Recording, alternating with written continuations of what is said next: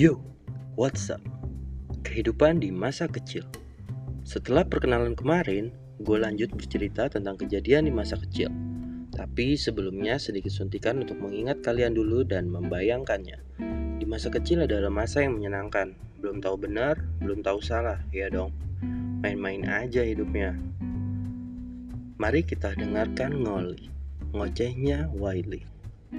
Chapter 1 Di masa kecil yang cukup merepotkan orang rumah Gua, ya gua. Saat itu umur 3 sampai 5 tahun. Gua pernah kena penyakit step. Kalian tahu kan step? Itulah kalau mau masak mie kan ada step 1 kalian ke warung, step 2 milih mie apa, step 3 masak panci air panas. Ya, bukan bukan bukan beda lagi. Jadi, step itu adalah penyakit yang muncul waktu gua lagi demam tinggi. Kalau lagi kumat, gue pernah kehilangan kesadaran dan suka ngelihat yang aneh-aneh. Entah itu hantu atau cuma halusinasi. Tapi kadang sering lihat tuh di pojokan rumah, khususnya di kamar, ruang tamu, ya itu suka ada lah yang aneh gitu ngeliatin anteng. Terus juga kadang suka lalu lalang, dia lewat aja, siu, siu, buah, buah, buah jatuh tuh kayaknya. Nah, pernah juga dengar suara ambulans. Padahal rumah agak dalam, jadi emang halu. Gara-gara step.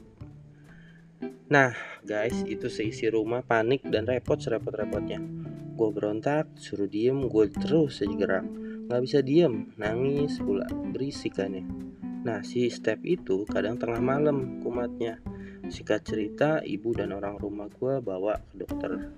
Setelah itu, gue dapet obat manjur yang cara pakainya lewat dubur. Sumpah itu manjur banget, sakit sih iya, sakit tapi enak bisa cepet turunin demam. Hmm, masa anak-anak.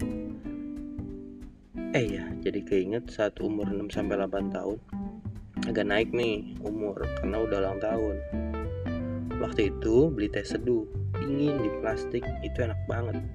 Yang saat itu warungnya masuk dalam gang karena gue di masa kecil bogang bocah gang. Di saat itulah gue temuin tembok yang masih polos. Kan gimana gitu ya? Malam harinya gang itu sepi akhirnya gue ajak teman-teman rumah ke sana. Tembok polos pun ya